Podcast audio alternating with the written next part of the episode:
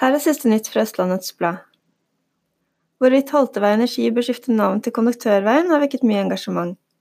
Om Holteveien skal bytte navn til Konduktørveien eller ei, overlater jeg til andre å mene om, men jeg kan oppklare historiske fakta, sier Kirsten Nysæter, som selv vokste opp i konduktørboligen i Holteveien. 32 år gamle Malin Petterson tok over som hotellsjef på Quality Hotel Entry for et år siden. Etter et år med omorganisering ser hun lyst på framtiden til hotellet på Mastemyr.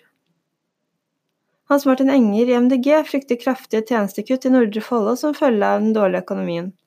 Eiendomsskatt er et av virkemidlene han ønsker å innføre for å bedre de økonomiske utsiktene. Nordre Follos første innbyggere kommer til å arve en gigantgjeld som kan stige opp mot 9 milliarder fram mot 2023.